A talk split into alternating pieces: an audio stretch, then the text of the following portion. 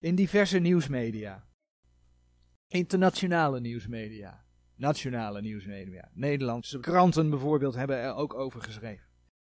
Is de laatste weken best wel uitvoerig geschreven over dat er een opwekking gaande is. En ik weet niet, als ik de naam noem Asbury, of mensen zeggen, ja, daar heb ik wel wat van gehoord.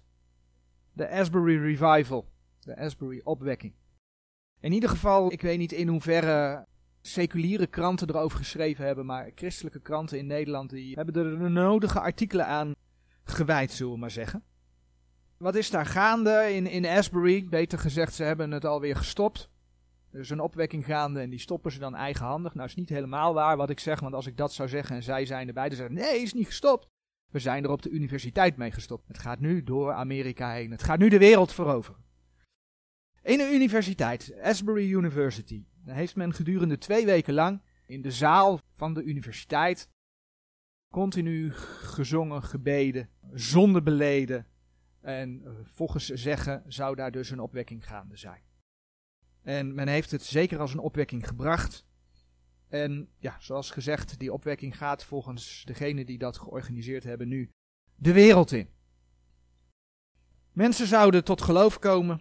Mensen zouden hun geloof vernieuwen. En er wordt ook wel beweerd dat er, al is dat daar in mindere mate, want het is die universiteit. Nou ga ik iets zeggen, dat weet ik niet helemaal zeker. Ik dacht dat de, de achtergrond methodisten was. Dus het is niet charismatisch, maar we gaan zo wat beelden zien. En dan zou ik zeggen, zoek de verschillen. En de vraag is dan, want ja, mensen beleiden hun zonde aan God. Wat wil je nou hebben? Dat is toch mooi? Is er dan sprake van opwekking? Moet je in deze tijd, waar wij leven, vandaag de dag, moet je dan een opwekking verwachten? Moet je dan een opwekking verwachten die, want dat is eigenlijk wat ze pretenderen, die wereldwijd is? Nou, dat is het nog niet, maar dat is wel wat ze zeggen, het gaat zich nu verspreiden. Moet je, moet je zoiets groots verwachten, laat ik het zo uitdrukken. Nou, ik heb diverse video's bekeken. En er ook wat artikelen over gelezen. En wat opvalt is dat er heel, heel veel gezongen werd. En de liederen die dan gezongen worden, dat komt uit de moderne worship, de moderne aanbidding. En dan moet je denken aan de Hillsong bijvoorbeeld. Heel veel herhalingen erin. Muziek waarbij je in een trance kunt raken. Als je mensen erover hoort spreken, dan hoor je veel al zeggen dat je Gods aanwezigheid daar kon voelen. want mensen kwamen van heinde en ver, want ze wilden meemaken wat daar gebeurde. En dan kwamen ze de zaal in en dan kon je Gods aanwezigheid voelen. Die beweging is gestart met een Bijbelstudie. Met een Bijbelstudie naar aanleiding van Romeinen 12. Nou, dan is er heel veel zang. Tussendoor is er een keer een kort woord. Dat heb ik ook voorbij zien komen. Heel veel mensen die dan hun zonde beleiden. En dan wordt er weer gezongen. En dan kom je op een gegeven moment een filmpje tegen. je merkt natuurlijk aan de manier waarop ik het vertel dat ik al enigszins sceptisch ben. Op een gegeven moment kom je dan een filmpje tegen en dan hoor je iemand toch echt uitleggen. Ja mensen, de Heer Jezus, wij zijn zondig. En de Heer Jezus moest daarvoor naar de aarde komen. Hij heeft voor onze zonde geleden. Hij heeft zijn lichaam heeft hij verbroken en zijn bloed voor ons vergoten. En dat geeft eeuwig leven. Dan hoor je dat uitleggen en dan denk je, ja, dat is toch wel, ja, klinkt wel positief. Klinkt wel goed. Ja, dan ga je de vraag stellen, is er dan toch een bijbelse opwekking gaan? Dus dat is eigenlijk de vraag, hè? ik heb het thema ook genoemd. Is er een opwekking gaan? Is er een opwekking gaan? Nou, ik wil jullie allereerst wat video's laten zien. Korte stukjes eruit. Dus ik heb even wat beelden laten zien zodat je weet waar het over gaat. De vraag is dus, is er dan toch een bijbelse opwekking gaande? Dat is het thema. Als je in de kerkgeschiedenis kijkt, zoals de Heere God die profetisch in zijn woord heeft weergegeven. Hè? Want wij geloven dat de openbaring 2 en 3, dat de Heere God daar profetisch weergegeven heeft hoe de kerkgeschiedenis zich zal ontwikkelen. Dan kom je wel degelijk een periode tegen waarin er opwekkingen plaatsvinden. Na periodes waarin men zich ging vermengen met de wereld. Waarin men zich ging vermengen met afgoderij. Waarin men geestelijke hoerij pleegde. Waarin de Roomse macht in de middeleeuwen het dieptepunt was. Dat is deze keldering, zeg maar. Dat is eigenlijk ja, het kelderen van een stukje gehoorzaamheid aan Gods woord. Het kelderen van een stukje geestelijkheid, zeg maar. Dat is in een dieptepunt in de middeleeuwen in de vorm van de Rooms-Katholieke Kerk beland. Maar daarna spreekt Gods woord over het feit dat mensen Gods woord gingen bewaren. En er is inderdaad na de Roomse middeleeuwen op een gegeven moment een opleving gekomen. De boekdrukkunst werd uitgevonden. Gods woord werd vertaald in de taal van de mensen. We, hebben de Reformatiebijbel gekregen, werd verspreid. Mensen gingen dat lezen. En mensen kwamen door het lezen van Gods woord tot bekering. En er is dus een periode geweest, en dat wordt eigenlijk weergegeven in de brief aan Philadelphia in Openbaring 3. Dat mensen tot geloof kwamen. En eh, de tekst die daarbij hoort is Openbaring 3, vers 8. Waarin zo mooi staat geschreven. Ik weet uw werken. Zie, ik heb een geopende deur voor u gegeven. En niemand kan die sluiten, want gij hebt kleine kracht. En gij hebt mijn woord bewaard. En hebt mijn naam niet verlogend. Dat is een hele typerende tekst. Die staat voor, hè, voor Philadelphia, voor de brief aan Philadelphia. En die gekenmerkt wordt voor die periode in de geschiedenis dat mensen Gods woord bewaarden. En daardoor ook tot bekering kwamen. Waardoor er inderdaad grote opwekkingen ook over de aarde gingen. Dat was wereldwijd gaande. Maar het punt is dat wij in de laatste dagen van de gemeentetijd leven. Wij leven vlak voor de opname van de gemeente. Als, als dit de opname moet voorstellen, dat de Heer uit de lucht ons tegemoet komt en dat wij Hem tegemoet gaan, daar zitten we dicht tegenaan. En ja, Philadelphia is niet de laatste brief.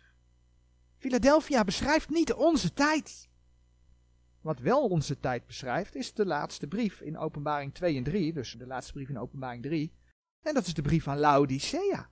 En die vind je in Openbaring 3, vers 14 tot en met 22. Daarom zeggen we ook wel dat we in de Laodicea-tijd leven. Dat komt daar vandaan.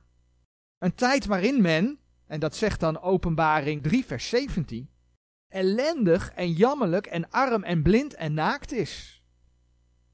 En openbaring 3 vers 20 maakt duidelijk dat de Heer Jezus in Laodicea buiten staat. Die staat buiten de gemeente. En openbaring 3 vers 16 zegt dat de Heer Jezus de gemeente gaat uitspugen. Kun je allemaal nalezen. Openbaring 3 vers 16, vers 17, vers 20. ja, dat komt weer precies overeen met dat 2 Thessalonicense 2 vers 3 zegt, hebben we rond de kerst zo bij stilgestaan, dat er, voordat de Heer zijn gemeente gaat opnemen, dat er eerst een afval van geloof komt.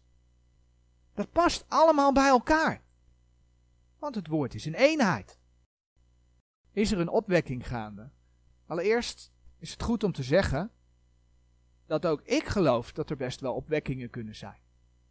Want er zijn mensen die ook vandaag de dag tot het eeuwige leven komen. Omdat ze de Heer Jezus als hun persoonlijke verlosser aannemen. Dat is ook de reden dat de Heer nog steeds geduld heeft.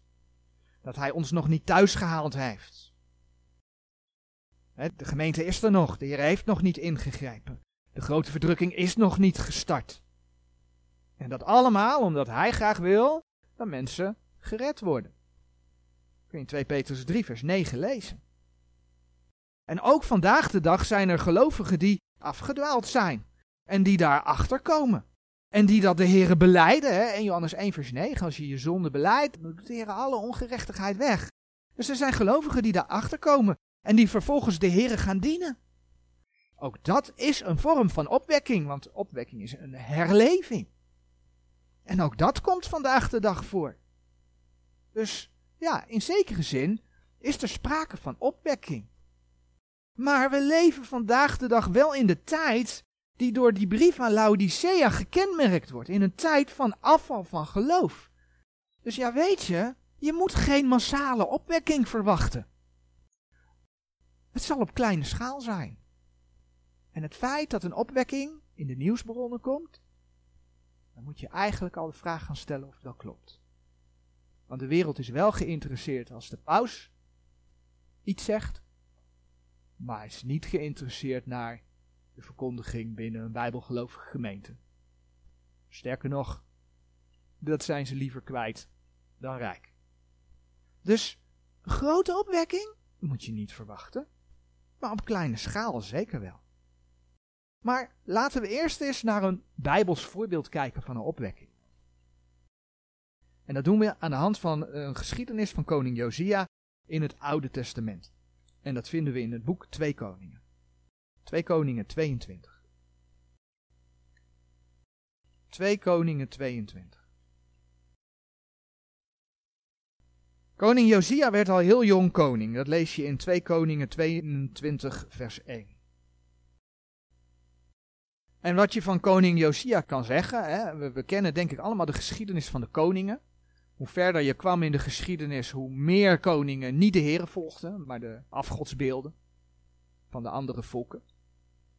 Josia leefde eigenlijk in, in een eindtijd, in die tijd. Hij leefde vlak voordat God het volk uit het land zou weghalen. En daar dan als straf. Dus eigenlijk leefde Josia ja, in een soort van laatste dagen. Maar dus ook in een tijd van afval van geloof. En kort, ja, voor de tijd dat de Heer zijn toren zou geven. Want Israël zou dus in Babylonische ballingschap weggevoerd worden.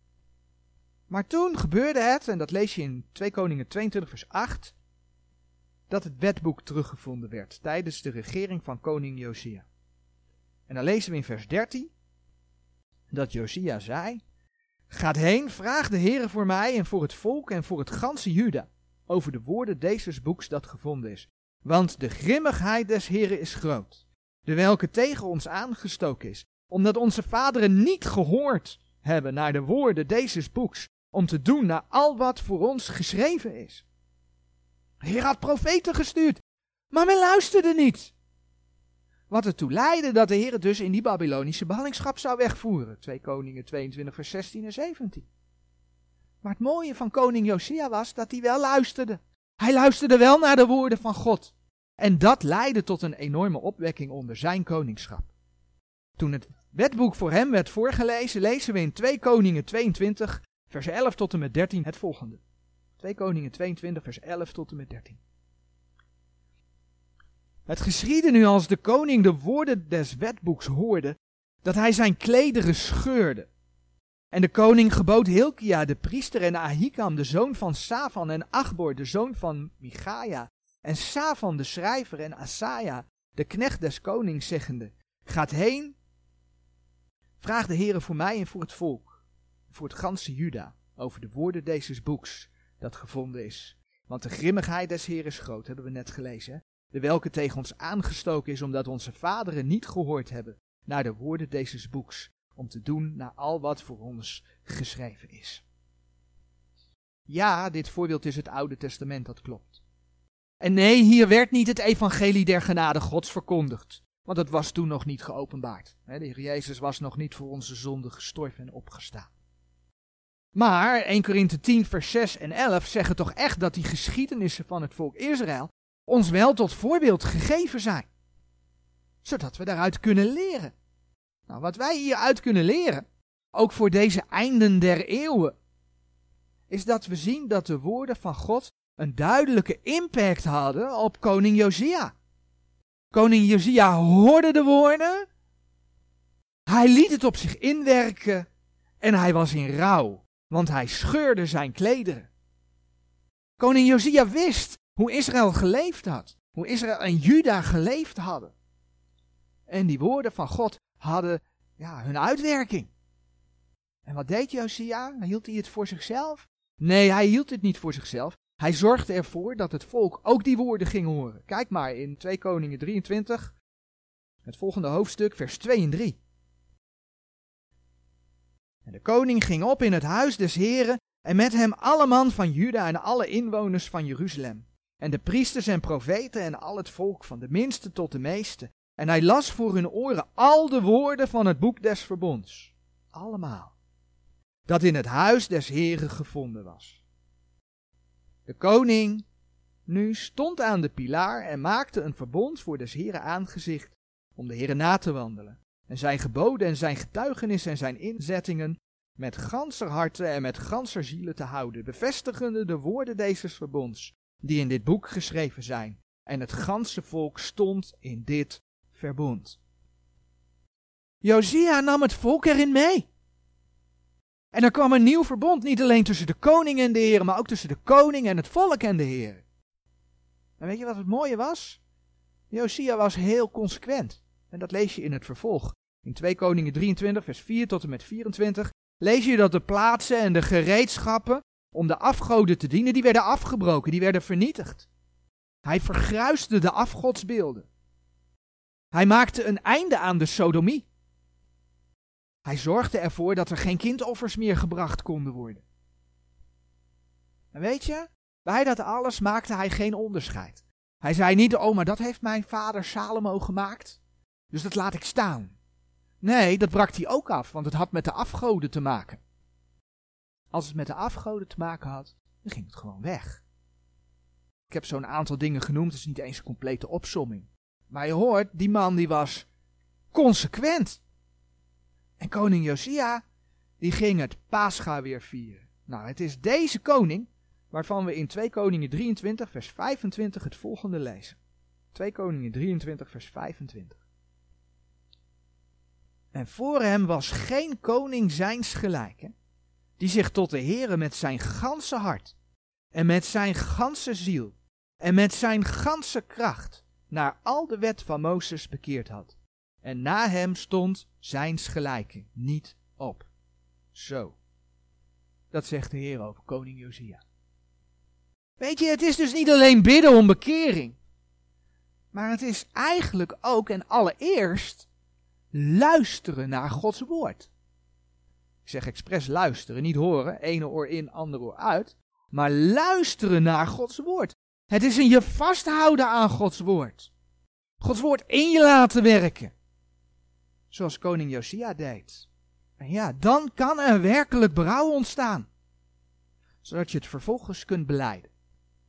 Hetzelfde zien we bijvoorbeeld in de geschiedenis van Ezra en Nehemia na de ballingschap. Op basis van het feit dat het volk Gods woorden hoorde, kwam er een opwekking. En als je dan leest in Nehemia 8 vers 4, dat men Gods woorden hoorde en ja, nee maar kwam geen uurtje bij elkaar hoor. Nehemia 8 vers 4, daar lees je dat. Ze waren van het morgenlicht aan tot op de middag bij elkaar en dan werd de wet voorgelezen en verduidelijkt. En dan lees je in Nehemia 8 vers 10 dat het volk tot inkeer kwam. Ze huilden ervan.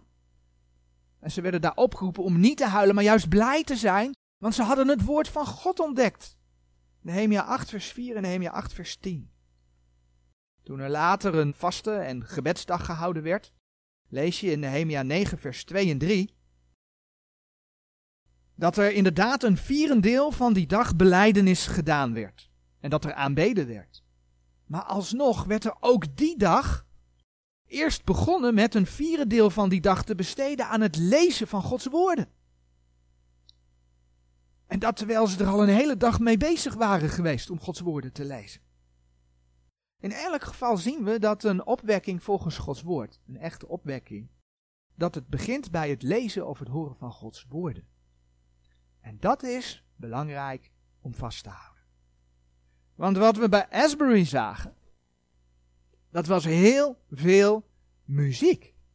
En wat voor muziek? Wat voor muziek? Men zou zeggen dat het aanbiddingsmuziek was. Maar ja, het zijn de aanbiddingsnummers van Hillsong. En de heidenen gebruikten dat vroeger, hè? De, de herhaling, heel veel herhaling zit erin. En de heidenen gebruikten dat vroeger ook. Want dan konden ze mee in een soort van trance komen. Ja, dat gebeurt vandaag de dag nog. Maar aanbidding is wel een vorm van gebed. Dus als je aanbiddingsliederen gaat zingen, ben je eigenlijk door vorm van zang aan het bidden. En wat zegt de Heer Jezus dan in Matthäus 6, vers 7? Matthäus 6, vers 7. En als gij bidt, Matthäus 6, vers 7. En als gij bidt, zo gebruikt geen ijdel verhaal van woorden, gelijk de heidenen, want zij menen dat zij door hun veelheid van woorden zullen verhoord worden. Een ijdel verhaal van woorden is een leeg verhaal van woorden. En hoe ontstaat er een leeg verhaal van woorden? Nou, dat ontstaat als je woorden of zinnen gaat herhalen. Er zit geen verhaal in. Want je zegt continu hetzelfde. Nou, het zijn juist de herhalingen die binnen diverse vormen van bijvoorbeeld yoga en andere meditatietechnieken gebruikt worden om je geest leeg te maken. Nou, als je daar dan muziek of een melodie bij hebt, die op je gevoel inwerkt, dan heb je een compleet recept. Dan heb je een compleet recept waarvoor? Om je ontvankelijk te maken voor andere geesten. Het is niet voor niets dat de Heer bijvoorbeeld in 1 Petrus 4 vers 7 het volgende zegt. 1 Petrus 4 vers 7. En het einde aller dingen is nabij. Zijt dan nuchter en waakt in de gebeden. Dus ja, het is de bedoeling dat je bidt. Maar hoe kun je nuchter en waakzaam zijn als je je geest uitschakelt door herhalingen, door mantra's? Want dat zijn het. Bladzijde verder, 1 Petrus 5 vers 8. Dan komen we die briesende leeuw tegen. Zijt nuchter en waakt, want uw tegenpartij de duivel gaat om als een briesende leeuw, zoekende wie hij zou mogen verslinden. Zijt nuchter en waakt. Wat liederen en muziek betreft is er nog een mooi voorbeeld. Dan gaan we zo een tekst uit Marcus lezen. Een mooi voorbeeld in het Nieuwe Testament. In Johannes 13, dat heb ik al wel eens verteld. In Johannes 13 daar lees je over het laatste avondmaal. En dan lees je in Johannes 18 pas dat de Heer Jezus naar de hof van Gethsemane gaat. Dat betekent dus dat alles wat tussen Johannes 13 en Johannes 18 in zit, dat heeft de Heer Jezus allemaal besproken tijdens het laatste avondmaal. Dat heeft hij allemaal met zijn discipelen besproken. Nou weten we uit bijvoorbeeld Marcus 14 vers 26 dat voordat ze naar de hof van Gethsemane gingen, dat ze eerst een lofzang gezongen hebben. In Marcus 14 vers 26 daar lees je. En als zij de lofzang gezongen hadden, gingen zij uit naar de Olijfberg. Dus voordat ze weggingen, voordat ze naar de hof van Gethsemane gingen, gingen ze eerst de lofzang zingen. Maar wat blijkt daaruit? Wat blijkt daaruit? Dat blijkt uit dat de Heer Jezus die avond vijf hoofdstukken besteedt om te leren. Waarvan een onderdeel, Johannes 17, ook gebed is. Maar in principe vijf hoofdstukken om te leren en er wordt één lofzang gezongen. Mooi voorbeeld, hè? Mensen draaien dat graag om. En dan het liefst liederen op het gevoel. En oh, wat voelen ze zich dan goed. En dan gaan ze met zo'n gezegend gevoel naar huis. En ze hebben niks uit het woord van God gehoord. Nee, de Heer zegt, zo'n stuk leren uit Gods woord en dan zingen we ook nog een lied. Dat is de volgorde die de Heer geeft. Dus zie het verschil met Asbury. In het gebed dat de Heer Jezus voor zijn discipelen bad, Johannes 17. Daar zei hij het volgende. Johannes 17, vers 16. De Heer Jezus bad dit voor de discipelen en, en daar bad hij dan in, in vers 16. Zij zijn niet van de wereld, gelijkerwijs ik van de wereld niet ben. Heilig hen in uw waarheid. Uw woord is de waarheid. Zo kreeg Timotheus de opdracht hè, in de brief aan de gemeente, 2 Timotheus. 2 Timotheus 4, vers 2. Om te volharden in het prediken. 2 Timotheus 4, vers 2. Predik het woord. Houd aan tijdiglijk, ontijdiglijk. Wederleg, bestraf, vermaan in alle langmoedigheid en leer. Auw. Maar dat is wel wat de Heer zegt. Je leert je zonde pas kennen door prediking van het woord van God. En dan weet je wat je beleiden moet. Dan weet je ook waar je aan werken moet. Maar, maar, maar, maar, die hele beweging, die begon toch met prediking? Die begon toch met prediking van Romein 12? Ja, dat klopt. Weet je waar de prediking over ging? De prediking ging over de liefde. En ja, ik besef hè, het hoofdstuk van de liefde, Romeinen 12, staat in de Bijbel. 1 Korinthe 13, ook zo'n hoofdstuk, staat ook in de Bijbel. Dus als broeders en zusters moet je elkaar lief hebben. Dat is opdracht. Maar in die hele boodschap, ik heb hem geluisterd, zit geen enkele heenwijzing naar het feit dat Gods liefde ook inhoudt. Hangt het goede aan? Romeinen 12 vers 9, of zoals 1 Korinthe 13 vers 6 zegt, andere hoofdstuk over de liefde. Zij verblijdt zich niet in de ongerechtigheid, maar zij verblijdt zich in de waarheid. En wat is de waarheid in Gods woord? Dat is Gods woord. Dat hebben we net gelezen, Johannes 17, vers 17. Heilig hen in uw waarheid. Uw woord is de waarheid. Weet je, dan blijft alleen de liefde naar elkaar over. En als je dat combineert met wat die meneer dan in zijn toespraak bracht over de hypocriete liefde in de kerken. En ja, laten we wel zijn, natuurlijk is er in diverse kerken een hypocriete liefde. Ja, tuurlijk. Maar als je dat allemaal combineert, de, liefde, de hypocriete liefde in de kerken, dan ga je denk ik begrijpen wat ik bedoel als ik nog een voorbeeld erbij geef. Want dat is eigenlijk het enige waar men tegenwoordig over wil spreken. Je moet wel lief zijn voor elkaar. En dan niet vanuit de waarheid, maar vanuit wat wij met onze normen en waarden vinden dat lief zijn voor elkaar is. In de video wees ik al, achter die jonge dame, daar stond iemand.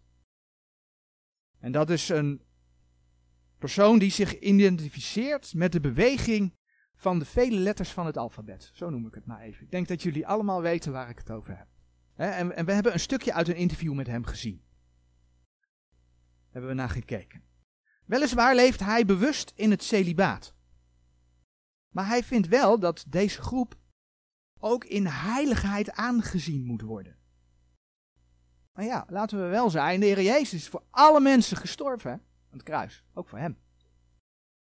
En als je als gelovige je zonde beleidt, doet hij alle ongerechtigheid weg. En Johannes 1 vers 9. Dat geldt voor alle gelovigen. Alle wederom geboren gelovigen. Maar weet je wat de Heer Jezus ook zei in Johannes 8 vers 11? Ga heen en zondig niet meer. Als je de Heer Jezus als je persoonlijke verlosser hebt aangenomen, dan is, zegt Gelaten 2 vers 20, je oude mens met hem gekruisigd. Dan word je door de Heer opgeroepen om je vlees voor dood te houden. Romeinen 6 vers 11 en 12. En dat betekent dat je dat vlees dan ook niet meer gaat promoten. Dus we denken aan het voorbeeld van koning Josia. Koning Josia stopte niet alleen de schandjongens met hun werk in de tempel. Nee, Koning Josia rekende ermee af. Hij brak de huizen van de schandjongens af. Laten we het even opzoeken. 2 Koningen 23, vers 7. En hiermee zeg ik niet dat wij nu allerlei dingen moeten gaan afbreken van andere mensen. Ik zeg het maar even voor de audio-opname, want anders gaan sommige mensen daar misschien rare conclusies aan verbinden. Wij gaan niet zomaar dingen van andere mensen afbreken, dat is niet de bedoeling. Maar het is wel, het geeft een voorbeeld hoe je in je eigen leven dingen kunt afbreken en ermee kunt afrekenen, omdat je de Heer hebt leren kennen. Daar is het een voorbeeld van. En dan staat er in 2 Koningen 23, vers 7, wat Josia deed. Daartoe brak hij de huizen der schandjongens af, die aan het huis des heren waren, al waar de vrouwen huisjes voor het beeld van het bos weefden. Hij brak het gewoon af, hij deed het weg. Dat is wat de Heer in zijn woord laat zien. Nou, het is deze persoon hè, van het interview die op Twitter liet weten dat het juist deze groep mensen was, hè, van de vele letters in het alfabet, die op dat moment dat het bericht geplaatst werd, was die zogenaamde opwekking al acht dagen bezig. Dat die mensen, die groep mensen, onder andere, er waren ook nog andere groepen, al acht dagen lang de aanbidding leidden. En mensen tot de troon van God geleid zouden hebben. Dit is het bewuste Twitterbericht. Heb ik op de dia gezet. Maar mensen, we weten toch hoe God over Sodom en Gomorra dacht en denkt. En gekoppeld aan Sodom en Gomorra, we weten toch hoe God over Sodomie dacht en denkt. Ik bedoel, Romeinen 1 vers 27 zegt het volgende. Romeinen 1, vers 27. En insgelijks ook de mannen nalatende het natuurlijk gebruik der vrouw zijn verhit geworden in hun lust tegen elkander. Mannen met mannen schandelijkheid bedrijvende en de vergelding van hun dwaling die daartoe behoorde in zichzelf ontvangende. De Heere God maakt in zijn woord duidelijk dat hij man en vrouw voor elkaar geschapen heeft. En als mensen daarbuiten iets willen, is dat in God zo gezonde. Romeinen 1 vers 18, dat gedeelte begint hiermee. Want de toren gods wordt geopenbaard van de hemel over alle goddeloosheid en ongerechtigheid der mensen als die de waarheid in ongerechtigheid ten onder houden. Wat ze daar doen, is de waarheid in ongerechtigheid ten onder houden. Want ze leven in ongerechtigheid, maar ze praten over waarheid. Maar ze verstoppen de waarheid, want ze willen er niet naar luisteren. Als dat dingen zijn, hè, wat we net gelezen hebben in Romeinen 1, vers 27. Als dat dingen zijn waar Gods toren over gaat komen. Hoe denk je dan dat deze groep mensen, mensen bij Gods troon kan brengen? En als we het dan hebben over de werking van een geest, weet je, dan was het absoluut niet de Heilige Geest die daar aan het werk is geweest. Kan niet. Met geen mogelijkheid. Want Gods geest bewerkt dat niet. Ga Gods woord lezen, dan weet je wat Gods geest wel bewerkt. Niet dat. Men beleed zonde, zei men. Maar blijkbaar niet dit. En met dit bedoel ik dan dus dat mensen promoten de beweging van de vele letters van het alfabet. En we hoorden het in de video zeggen. Ja, als het dan om repentance gaat, hè, om bekering. Gaat het dan ook, nou, dan worden onderwerpen als racisme genoemd. Natuurlijk heel modern, hè, in de Verenigde Staten. Je naaste lief hebben. Onder andere om de mensheid lief te hebben. Ja, ook nog. Nou, laten we 1 Johannes 2 vers 15 opzoeken. 1 Johannes 2 vers 15. Vlak voor openbaring.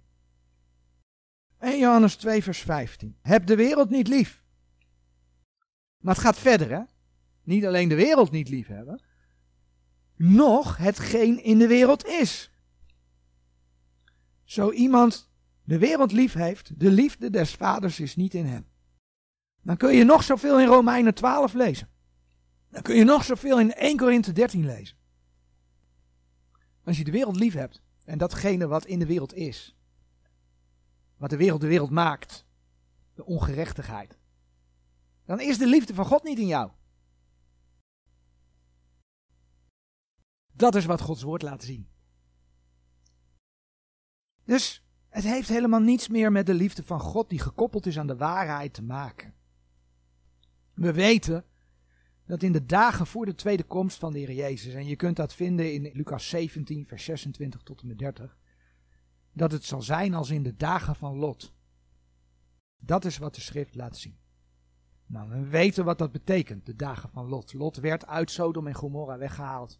En God ging Sodom en Gomorra omkeren. Die opwekking is een gecreëerde opwekking. Om te kunnen zeggen dat de Heer ook opwekkingen geeft, ook met zijn geest werkt. Daar waar in samenwerking gewerkt wordt met mensen met bewegingen van de vele letters van het alfabet. Maar de Heere God werkt niet door sodomie. De Heere laat in zijn woord juist zien dat hij gaat afrekenen met sodomie. Net zoals hij dat deed met Sodom en Gomorra. Het is niet voor niets dat die grote verdrukking voor de deur staat. Want die gaat komen. Dat is wat de schrift laat zien. Dat is Gods toren die over de aarde gaat komen. En dan nog iets over al dat zondebeleiden dat daar gebeurde. Want ja, als je dan hoort zoveel mensen die hun zonde beleiden, ja, dat moet toch geweldig zijn hè, in deze tijd. Dus ja, dan, dan moet dat toch wel op een opwekking lijken. Dus even los van het feit wat we zojuist gezien hebben, hè, dat men deels dus dingen niet als zonde ziet waarvan God zegt dat het wel zonde is. Even los daarvan. Zonde beleiden hoeft helemaal niet automatisch te betekenen dat het ook goed zit en dat er dus sprake is van een opwekking. Weet je dat de Bijbel een heel mooi voorbeeld geeft van iemand die zijn zonde beleed maar verloren ging? Nou, Judas. Matthäus 27, vers 4. In Matthäus 27, vers 4. Daar heeft Judas berouw van wat hij gedaan heeft, dat hij de Heer Jezus verraden heeft. Matthäus 27, vers 4. Judas die zegt daar, zeggende, ik heb gezondigd, verraden het onschuldig bloed. Maar ze zeiden, wat gaat ons dat aan? Gij moogt toezien. Judas had berouw. Ik heb gezondigd, zegt hij, verradende het onschuldig bloed. En weet je waar hij dat deed? Bij de tempel. Bij de overpriesters. Want hij zei dit tegen de overpriesters. In een religieuze setting. Zei hij, ik heb gezondigd. Dat is beleidenis. Dan moet je kijken wat er in Johannes 17 vers 12 over Judas geschreven staat. Johannes 17 vers 12. In Johannes 17 vers 12, daar lezen we dat de Heer Jezus bad, toen ik met hen in de wereld was, bewaarde ik hen in uw naam, die gij mij gegeven hebt, heb ik bewaard. En niemand uit hen is verloren gegaan, dan de zoon der verderfenis, opdat de schrift vervuld wordt. De zoon der verderfenis, de andere naam voor Judas, als voorafschaduwing van de antichrist. Judas beleed, maar niet op de juiste manier. En Judas ging verloren. Nou, heel bewust heb ik een stukje uit een gebed, uit die eerste preek, die eerste Bijbelstudie, waar die opwekking mee begonnen zou zijn, laten zien. En ik heb even de nadruk erop gelegd dat jullie hoorden wat daar gebeurde. Die man, die gaf als het ware de Heilige Geest de opdracht om door de rijen heen te bewegen en de mensen te helpen.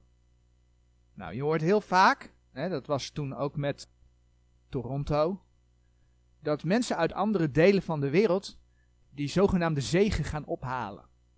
Want dan krijgen ze de handen opgelegd van een persoon die die zegen heeft. En dan wordt dat doorgegeven. Eerst begint het in Amerika te stuiteren, te kukelen, te blaffen. En te, want dat was de Toronto Blessing, een aantal jaren terug. Daar waren ze aan het blaffen in de dienst en aan het kukelen als een haan. En dat was allemaal een uiting van de Heilige Geest. Over de grond aan het tollen, noem het maar op. Vind je niet in de Bijbel, hè? maar dat wordt dan uitgelegd als zijnde een uiting van de Heilige Geest. Dan gaan ze dat ophalen. Ik geloof dat deze man, de Heilige Geest, ja, een onheilige geest, over die groep mensen heeft gedaan met zijn handen. Dat is wat ik daar zag gebeuren. Want het was die sessie, dat bij elkaar zijn, wat ervoor zorgde dat dit ontketend werd. Daar is een valse geest aan het werk gezet. Zo werd in de liederen, eerste lied liet ik daarom natuurlijk ook bewust zien, de Heilige Geest welkom geheten. Maar de Heilige Geest is eenmaal uitgestort. Eenmaal. Met Pinksteren lees je in de Bijbel. Dus als je als kinderen van God samen bent, weet je dat de Heilige Geest in je is. Iedere wederom geborene is verzegeld met de Geest, zegt de Schrift. Met Gods Geest. En als je dan met dingen van de Heer bezig bent, bidden, Bijbel lezen, maar er ook naar wandelen, dan mag je ook nog eens weten dat de Heer laat zien dat Hij je vervult met zijn geest. Dat je vol bent met zijn geest. Dat is niet een nieuwe uitstorting. Ik heb wel eens iemand dat horen vergelijken met een keteltje met water. Als dat aan de kook is, dan vult dat water die ketel, waardoor die gaat fluiten. Maar als je het laat afkoelen, dan gaat het water alleen maar onderin die ketel zitten. Je bent niet als christen altijd vervuld. Maar door met de dingen van de Heer bezig te zijn, je de dingen eigen te maken, je ernaar te proberen te leven, je zonde te beleiden, vervult Hij je met zijn geest. Dat is vervulling. En dat heeft iedere gelovige. Gelaten 4 vers 6. Gewoon een tekst als voorbeeld, en we gaan niet alle teksten na die over dat de Heilige Geest in de gelovige is en dat je verzegeld bent. Daar gaat deze studie nu niet over. Maar daar hebben we uitgebreid bij stilgestaan. Maar bijvoorbeeld Galaten 4 vers 6. Zo'n mooie tekst. Galaten 4 vers 6. En overmits gij kinderen zijt. Zo heeft God den geest zijn zoons uitgezonden in uw harten. Die roept, Abba, Vader. Zo heeft God de geest zijn zoons uitgezonden in uw harten. Dus dat vervuld worden, dat is iets wat in de gelovige, wat in jou gebeurt. De Heilige Geest hoeft niet meer over je te komen. Men heeft klaarblijkelijk geen enkel geestelijk zicht op hoe deze dingen werken. Ja, dat heeft met deze Laodicea-tijd te maken. En dat er een afval van geloof gaande is. Paulus die waarschuwde in, in 2 Timotheus. 2 Timotheus 4, vers 3 en 4. Want er zal een tijd zijn wanneer zij de gezonde leer niet zullen verdragen. Maar ketelachtig zijnde van gehoor, zullen zij zichzelf leraars opgaderen naar hun eigen begeerlijkheden.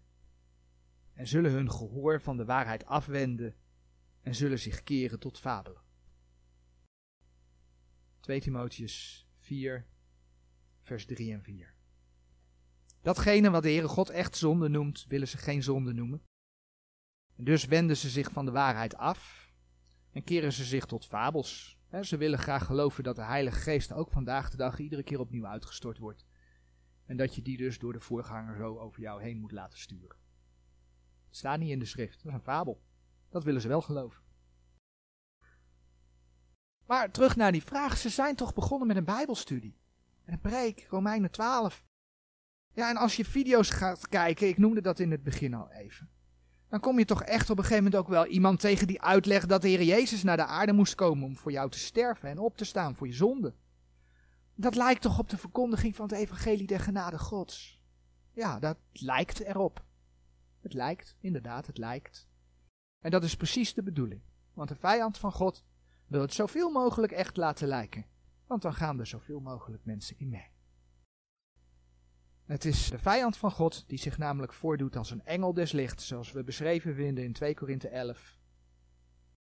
2 Korinthe 11, vers 13 tot en met 15. Want zulke valse apostelen zijn bedrieglijke arbeiders, zich veranderende in apostelen van Christus. En het is geen wonder, want de Satan zelf verandert zich in een engel des lichts.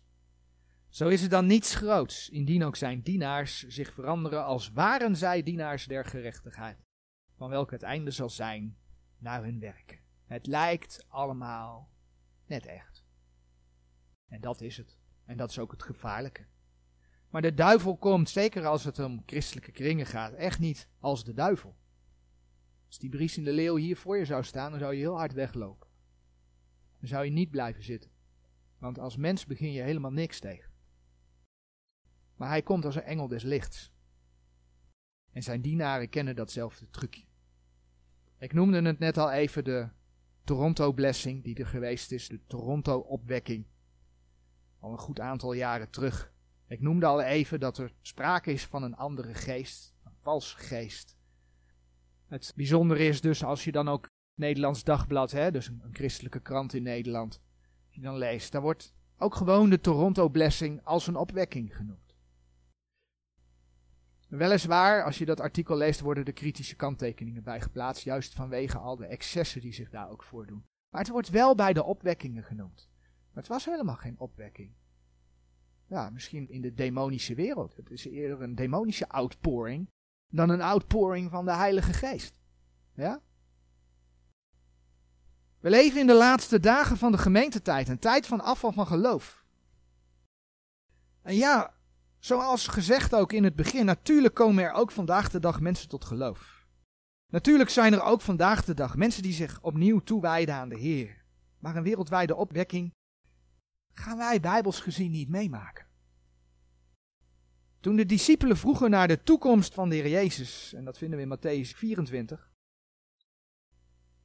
Toen zij vroegen naar de toekomst van de Heer Jezus, wat dus te maken heeft met zijn tweede komst was het eerste wat de Heer Jezus als antwoord gaf. Hij begon niet met alle natuurrampen en al die dingen die je later in Matthäus tegenkomt. Nee, het eerste wat hij zei, lezen we in Matthäus 24, vers 3 en 4, is een waarschuwing om niet verleid te worden. Om niet verleid te worden. 24, vers 3. En als hij op de olijfberg gezeten was, gingen de discipelen tot hem alleen, zeggende, zeg ons, wanneer zullen deze dingen zijn? En welk zal het teken zijn van uw toekomst? En van de voleinding der wereld. En Jezus antwoordende zeide tot hen, zie toe dat niemand u verleide. Wees gewaarschuwd.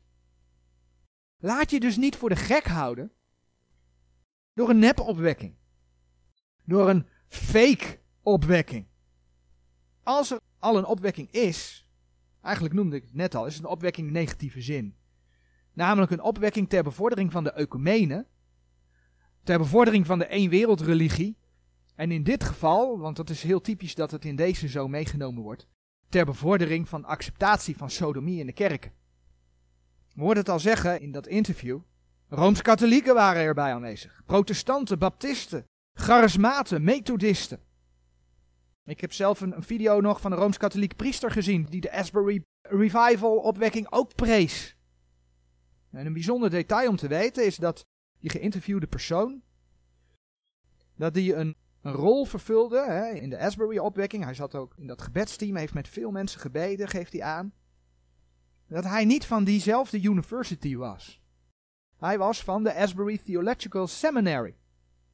Ik denk dat het niet dezelfde is, want vaak zie je bij universiteiten dat ze verschillende takken hebben. Ze maken zich ook bekend met, ja logisch, het is een ander gebouw, dus een ander adres, maar ook de site heeft een andere opmaak. Ik ga ervan uit dat er twee losse instellingen zijn. Een opleidingsinstituut in dezelfde plaats, in dezelfde buurt. Maar in dat instituut waar hij vandaan komt, houdt men dagelijks de Eucharistie. Ja, zie je het? Hè? Charismatisch, sodomie, Eucharistie. Het komt allemaal samen. Het komt allemaal samen. En zo kon je lezen in het Nederlands Dagblad, ik citeer één regeltje maar, dat degene van dat artikel schreef. Verder vind ik het mooi dat hier veel verschillende denominaties van protestants tot charismatisch vertegenwoordigd waren. Nou, openbaring 17 vers 1 en 5, we kennen de versen wel. Spreekt niet voor niets over de grote hoer en over de moeder der hoerij en der gruwelen der aarde. Asbury is geen opwekking. Maar Asbury is een teken dat laat zien in wat voor tijd wij leven. En dan is er nog één ding die ik eraan toe wil voegen. Een reden waarom wij geen massale opwekking gaan meemaken in deze laatste dagen. We hebben het voorbeeld van koning Josia stilgestaan. Koning Josia ging zijn volk voor. Hij ging zijn volk voor in een daadwerkelijke opwekking. Dat gaat over de invloed van de leiders.